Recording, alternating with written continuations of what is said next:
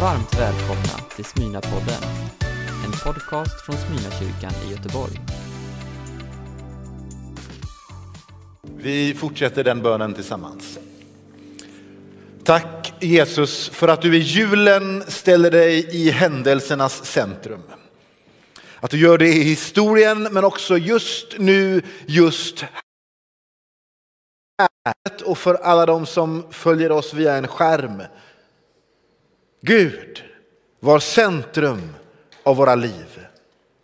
Och Herre, jag ber att du ska använda de kommande minuterna till att faktiskt tala. Mycket av det som kommer komma ur min mun är ju helt och hållet mitt eget. Men jag tror Gud att du vill använda något av det så att det blir till liv och tro i någons hjärta just nu. Så Herre, låt allt det som är mitt falla och låt det som kommer från dig just slå rot och växa till liv och tro.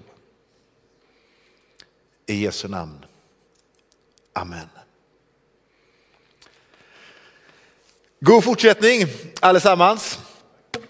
Tänk att vi är i på något sätt efterdyningarna av julen. Många av er har ju fortfarande lite julfirande kvar. Jag vet inte hur eran jul har varit. För någon är det ju mycket gemenskap, fullt med liv. Och för någon är det ganska mycket lugn och för en del faktiskt ensamhet. Jag, jag är ju pastor och, och predikant och jobbar ju med den här, den här bibeln. Det är ju mitt arbetsredskap. Och man kan tycka att efter alla dessa år så borde man tröttna lite. Många andra grejer tröttnar man ju på efter ett tag. Men det är som att bibelordet inte riktigt lyckas liksom sluta överraska mig. Jag ska, jag ska läsa en bibeltext nu som är, ja, helt fel är väl fel att säga. Men när jag börjat med den här predikan för ett tag sedan så inser jag att ska jag på annandagen med lite knäck kvar i tänderna och doften av julgran och den här varma känslan läsa den här texten.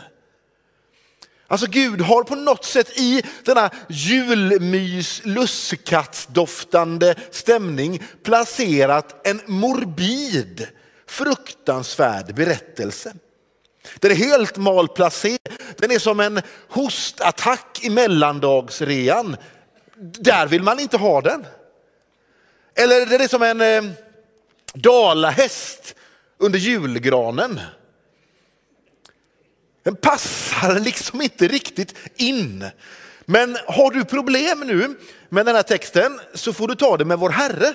För det är han som har placerat den här texten mitt i julmyset, mitt i mellandagsrean och precis under granen. Jag läser ganska långt, Matteus kapitel 2 och de första 18 verserna. När Jesus hade fötts i Betlehem i Judeen på kung Herodes tid kom några österländska stjärntydare till Jerusalem och frågade var finns judarnas nyfödde kung? Vi har sett hans stjärna gå upp och kommer för att hylla honom. När kung Herodes hörde detta blev han oroad och hela Jerusalem med honom. Han samlade alla folkets överstepräster och skriftlärda och frågade dem var Messias skulle födas. De svarade, i Betlehem i Judeen, ty det står skrivet hos profeten, du Betlehem i Juda land är ingalunda ringast bland hövdingar i Juda. Ty från dig ska det komma en hövding, en hede för mitt folk Israel. Då kallade Herodes i hemlighet till sig stjärntydarna och förhörde sig noga om hur länge stjärnan hade varit synlig. Sedan skickade han dem till Betlehem. Bege er dit och ta noga reda på allt om barnet, sa han. Och underrätta mig när ni har hittat honom så att också jag kan komma dit och hylla honom. Efter att ha lyssnat till kungen gav de sig iväg och stjärnan som de hade sett gå upp gick före dem. slutligen stannade över den plats där barnet var. När de såg stjärnan fylldes de av stor glädje.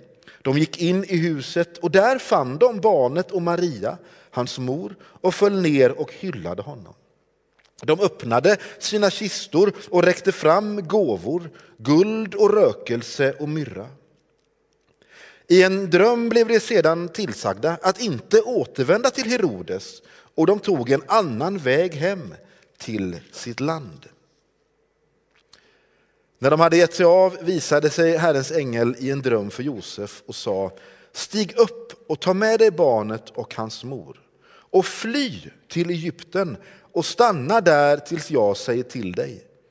Ty Herodes kommer att söka efter barnet för att döda det. Josef steg upp och tog om natten med sig barnet och hans mor och begav sig till Egypten. Och där stannade han tills Herodes hade dött. Det som Herren hade sagt genom profeten skulle uppfyllas. Från Egypten har jag kallat min son. När Herodes märkte att han hade blivit lurad av stjärntydarna blev han ursinnig och han lät döda alla gossar i Betlehem och dess omnejd som var två år eller därunder.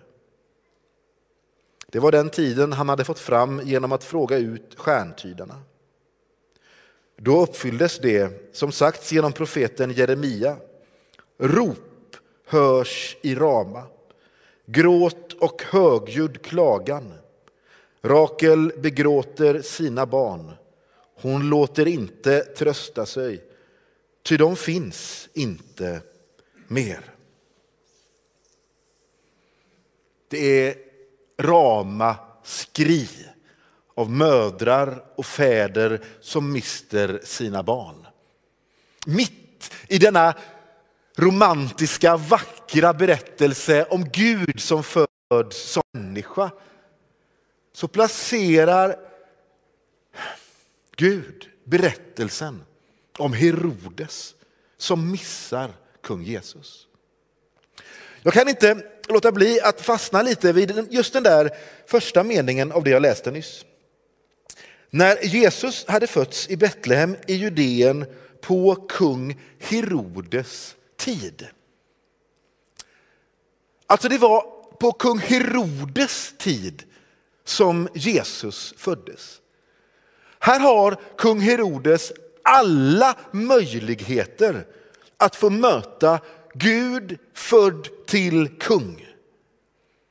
Det är som att, jag är inte mycket för det musikaliska, men några av dem som jag ändå lyssnar på och tycker har gjort ett avtryck och några av dem som verkligen skapar kö i Göteborg, det är Håkan Hellström. Lika mycket kö som det blir utanför när Kungälvs kexfabrik släpper baddarna för sista gång blir det utanför Ullevi när Håkan Hellström ska sjunga. Se, alla vill försöka röra vid och kanske få tag i en autograf. Men här är det som att kung Herodes har fått förhandsinformation. Ungefär, inte exakt, men ungefär som att jag här utanför skulle möta Håkan Hellströms manager. Och så hade han sagt, ja men Kristoffer, jag förstod på predikan att du var intresserad. Vet du vad jag vet? Håkan innan nästa konsert ska bo hemma hos Sjödins den natten. Han kommer sitta hos Sjödins på deras veranda och dricka lite avslagen glögg och äta lussekatter och pilla nötter mellan tänderna. Dit kan du gå så får du liksom ett möte bara du och Håkan. Kanske jag hade kunnat dyka upp lite så kunde vi sjunga en duett tillsammans. Anne Jorid som är musikansvarig här och pastor, hon, hon vill gärna att jag ska växa i det mitt musikaliska. Men vet du, kung Herodes skulle inte dyka upp hos Sjödins. Han tog inte förhandsvarningen eller förhandstippet på allvar och såg inte möjligheten att få möta den stora gåvan. Utan han sådde något annat, nämligen död. Det, det fanns inte plats för en till kung i Herodes liv. Känn på den meningen. Jag tror att det här skulle kunna vara ett sätt att definiera ordet synd. Det finns inte plats för en till kung i Herodes liv. Han var centrum i sitt liv. Han var den det handlade om. Han skulle minsann vara kung. Bestämma, segra, människor skulle tala om honom. Det var om Herodes det handlade om.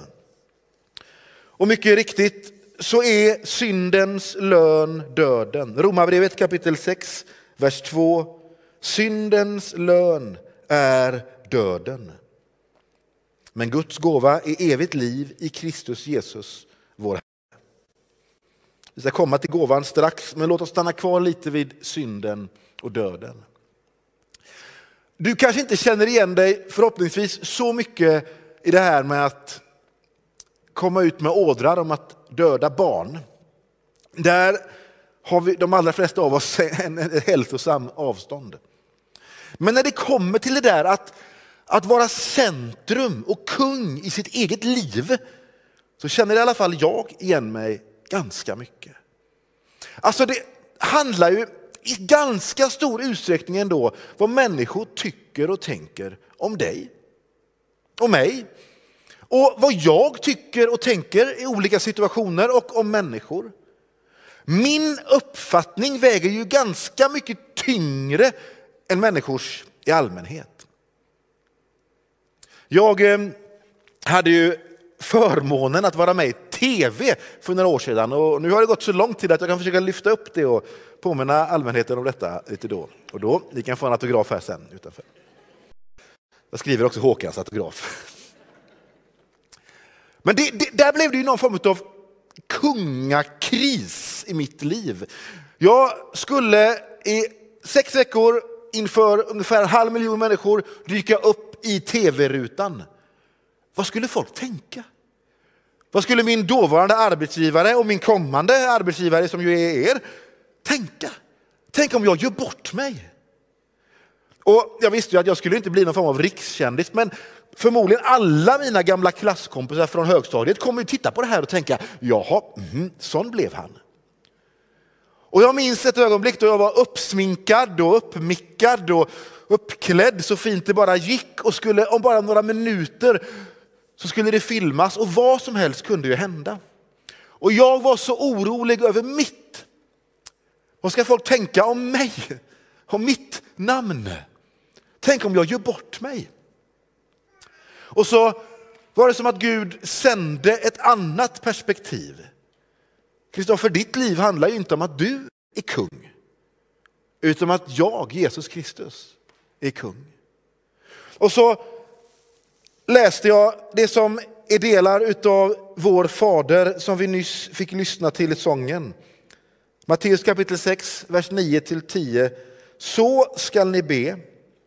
Vår fader, du som är i himlen. Låt ditt namn bli helgat. Låt ditt rike komma. Låt din vilja ske på jorden så som i himlen. Om synd är att gå vilse i sitt eget kungarike så är ju nåd att luta sig in i en annan kung. Där det inte längre handlar om mig och mitt, om ditt, utan faktiskt först om hans rike. Om hans namn. Och jag tror att bönen, Fader och relationen till kung Jesus Kristus är som ett vaccin som ger fokus Ger någon form av annan rörelse i det som är din människa och som kommer med friskhet och perspektiv.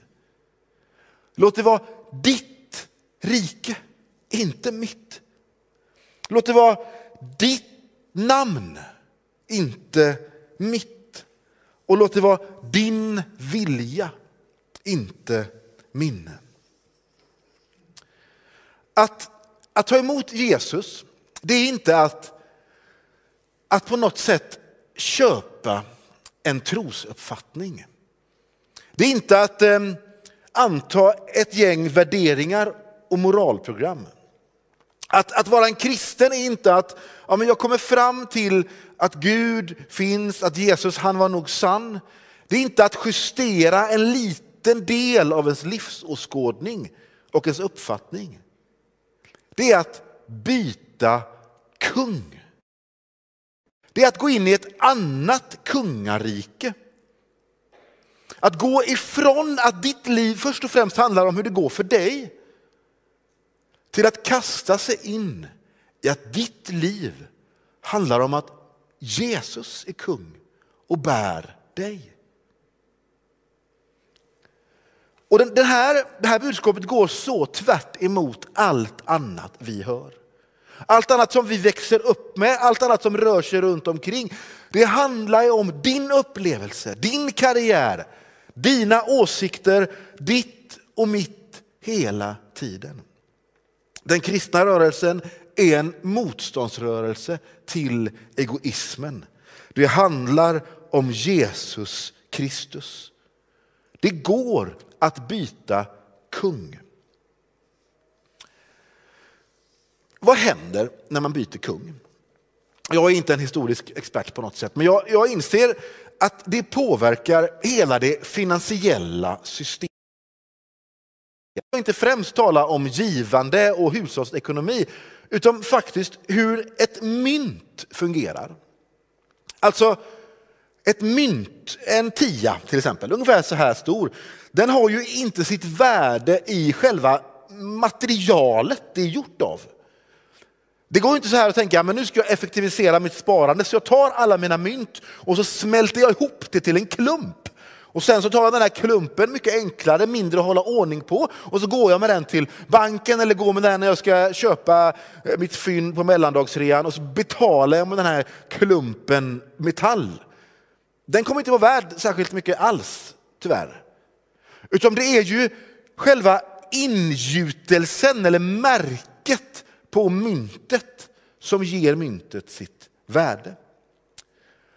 Och jag tror att kungariket som Jesus Kristus representerar är ett annat sätt att värdera än vad vi är vana vid.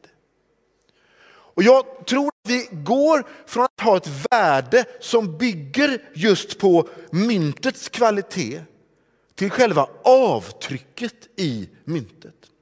Och Det här är inget språk som jag på något sätt har hittat på, utan jag hämtar det i Lukas kapitel 15, vers 8 till 10. Det är bara en liten passus, men den säger någonting om människovärdet i Jesus kungarike. Eller om en kvinna har tio silvermynt och tappar bort ett av dem. Tänder hon då inte en lampa och sopar hela huset och letar överallt tills hon hittar det? Och när hon hittar det samlar hon väninnor och grannkvinnor och säger gläd er med mig. Jag har hittat myntet som jag hade förlorat. På samma sätt säger jag er, gläder sig Guds änglar över en enda syndare som omvänder sig. Det är något vackert med den här berättelsen om det förlorade myntet. För det är ju värt lika mycket när det är förlorat som när det är hemma i börsen. Men det säger också någonting om vad det är som gör att värdet är så stort. Det är ju inte själva materialet, utan det är avtrycket. Och jag ska försöka förklara detta genom att läsa till bibelord alldeles, alldeles strax. Men jag har ställt mig frågan, och jag vet att allt inte fungerar precis som det borde, allt är inte perfekt, men någonting vi kan se i statistiken det är att kristen beroendevård fungerar bättre generellt och inte alltid, men har bättre statistik än annan beroendevård som inte är på kristen grund. Och Jag tror att det, det har att göra med den här berättelsen om mynt och myntets värde och om det nya kungariket. Jag ska alldeles strax förklara.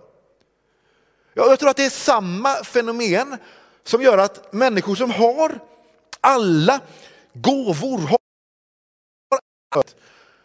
om och om igen så möter jag dem.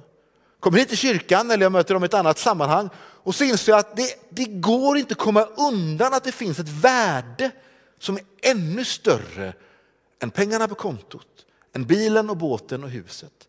Det är som att det finns en kollisionskurs mellan att det vi kan ta på är det mest värdefulla. Vet, jag möter chalmerister som har blivit helt förälskade i källkritik och naturvetenskap. Och så har den där förkärleken och första förälskelseögonblicket gått över och så börjar man till slut leta sig tillbaka till en barnatro. Man kommer inte undan att den kristna tron har någonting som sätter sig på djupet. Djupare än allt annat. Och Den här berättelsen är ju, den är ju 2000 år gammal. Och det finns mycket man kan önska när man läser sin bibel. Jag, jag får ärligt talat inte alltid ihop allt. Jag tror att det är, det är utmanande och det är tufft. Men trots att vi lever i en helt annan tid så kommer liksom inte människan, svensken, undan det här med tro. Jag satt och tittade på en av våra morgonsoffsändningar. Och så sjungs en psalm som i sån tydlighet handlar om tro. Och så tänker jag, hur, hur ska nu detta politiskt korrekta intervjupar undvika frågan om tro? Det gick inte. De var bara tvungen att tala i morgonsoffa om tro. För att det går inte att komma undan det kristna budskapet. Hur mycket man än försöker kasta tillbaka det till en naiv ungdomlig upplevelse eller till något som rör någon annan så är det som att det kristna budskapet det svänger inte undan utan det tränger in på djupet. Och om det är så att syndens döden och Guds gåva är evigt liv i Jesus Kristus så tror jag att det är genom den helige andes närvaro som myntet, som värdet upprättas. Lyssna på den här bibeltexten. Romarbrevet kapitel 5, vers 5. Jag läser det i ljuset av ett annat kungarike och hoppet sviker oss inte. Ty Guds kärlek har ingjutits i våra hjärtan genom att han har gett oss den helige ande. Det är en kraft av Guds egen närvaro som tränger så djupt in i en människa att den faktiskt upprättar, ingjuter ett värde. Och Det här är ett budskap till dig som tänker att du är förlorad. Som tänker att du har gått vilse i det här kungariket där det finns så mycket som gör anspråk på värde. Men det här är också en, ett budskap till dig och mig som så ofta blir kungar i våra egna liv. Och, och här kommer vi inte undan. Oavsett om du har varit kristen länge, så länge du bara kan minnas, så är det ju någonting att leva i kampen av att livet så fort handlar om mig, mitt, mina behov och mina åsikter.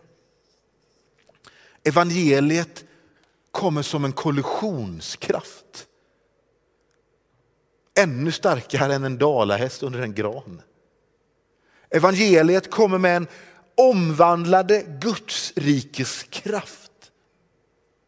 Vems rike tillhör du? Har du missat den stora gåvan Jesus Kristus i jakten på alla andra gåvor? Blir det hotfullt för dig när Jesus gör anspråk på att vara kung i ditt liv? Jag tror att det behöver vara hotfullt. Jag tror att det behöver provocera och jag tror att det behöver kasta oss in i någon form av självrannsakan där vi upptäcker att vi inte räcker till och håller måttet. Och så är Guds gåva evigt liv i Jesus Kristus. Det finns en annan aspekt i den här berättelsen som säger någonting om vem Jesus Kristus är och vilken sorts kung han är. Och vi läser det och mig griper det tag i.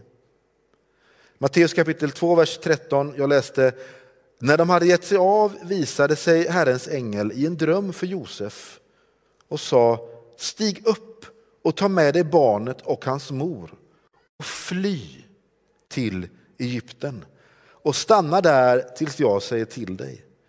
Ty Herodes kommer att söka efter barnet för att döda det.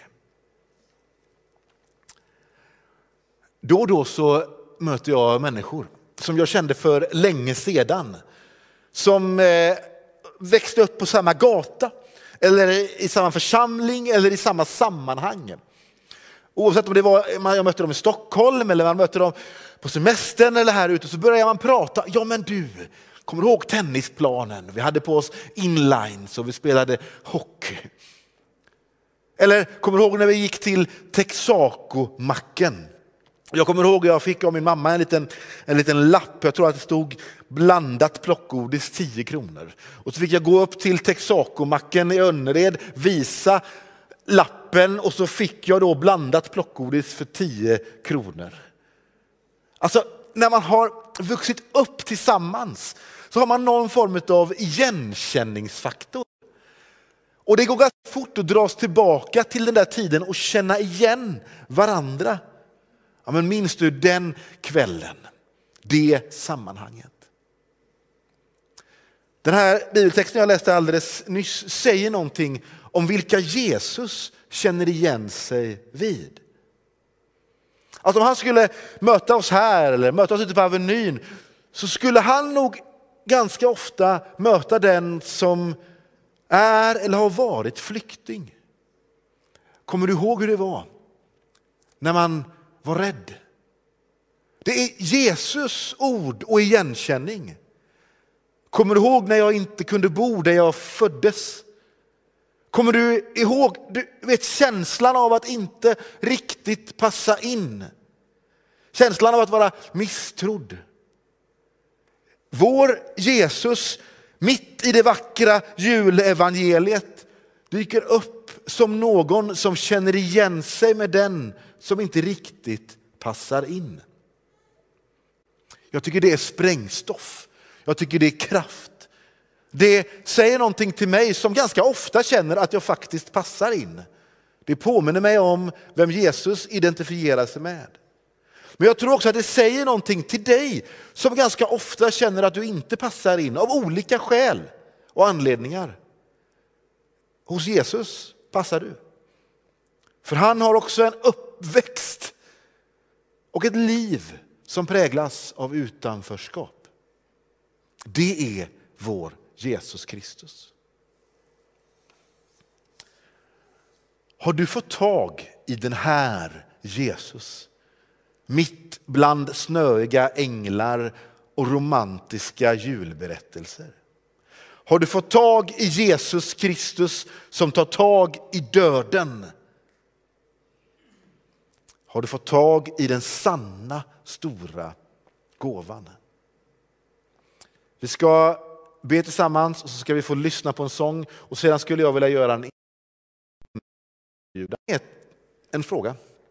Missar du den stora gåvan bland alla andra gåvor? Har du fått tag i Jesus Kristus? Vi ber. Tack Jesus för att du kommer med ett annat kungarike. Ett kungarike som skaver ganska mycket som kolliderar mycket, i alla fall med mitt liv. Tack för att du inte bara är söt knäck utan också frälsning från död till liv. Herre, vi vill få tag i dig. Vi vill att du ska få tag i oss. Här är vi. I Jesu namn. Amen. Du har lyssnat på en predikan från Smyrnakyrkan i Göteborg. Hjärtligt välkommen att lyssna igen eller besöka Smyrnakyrkan. Gud välsigne dig och din vecka.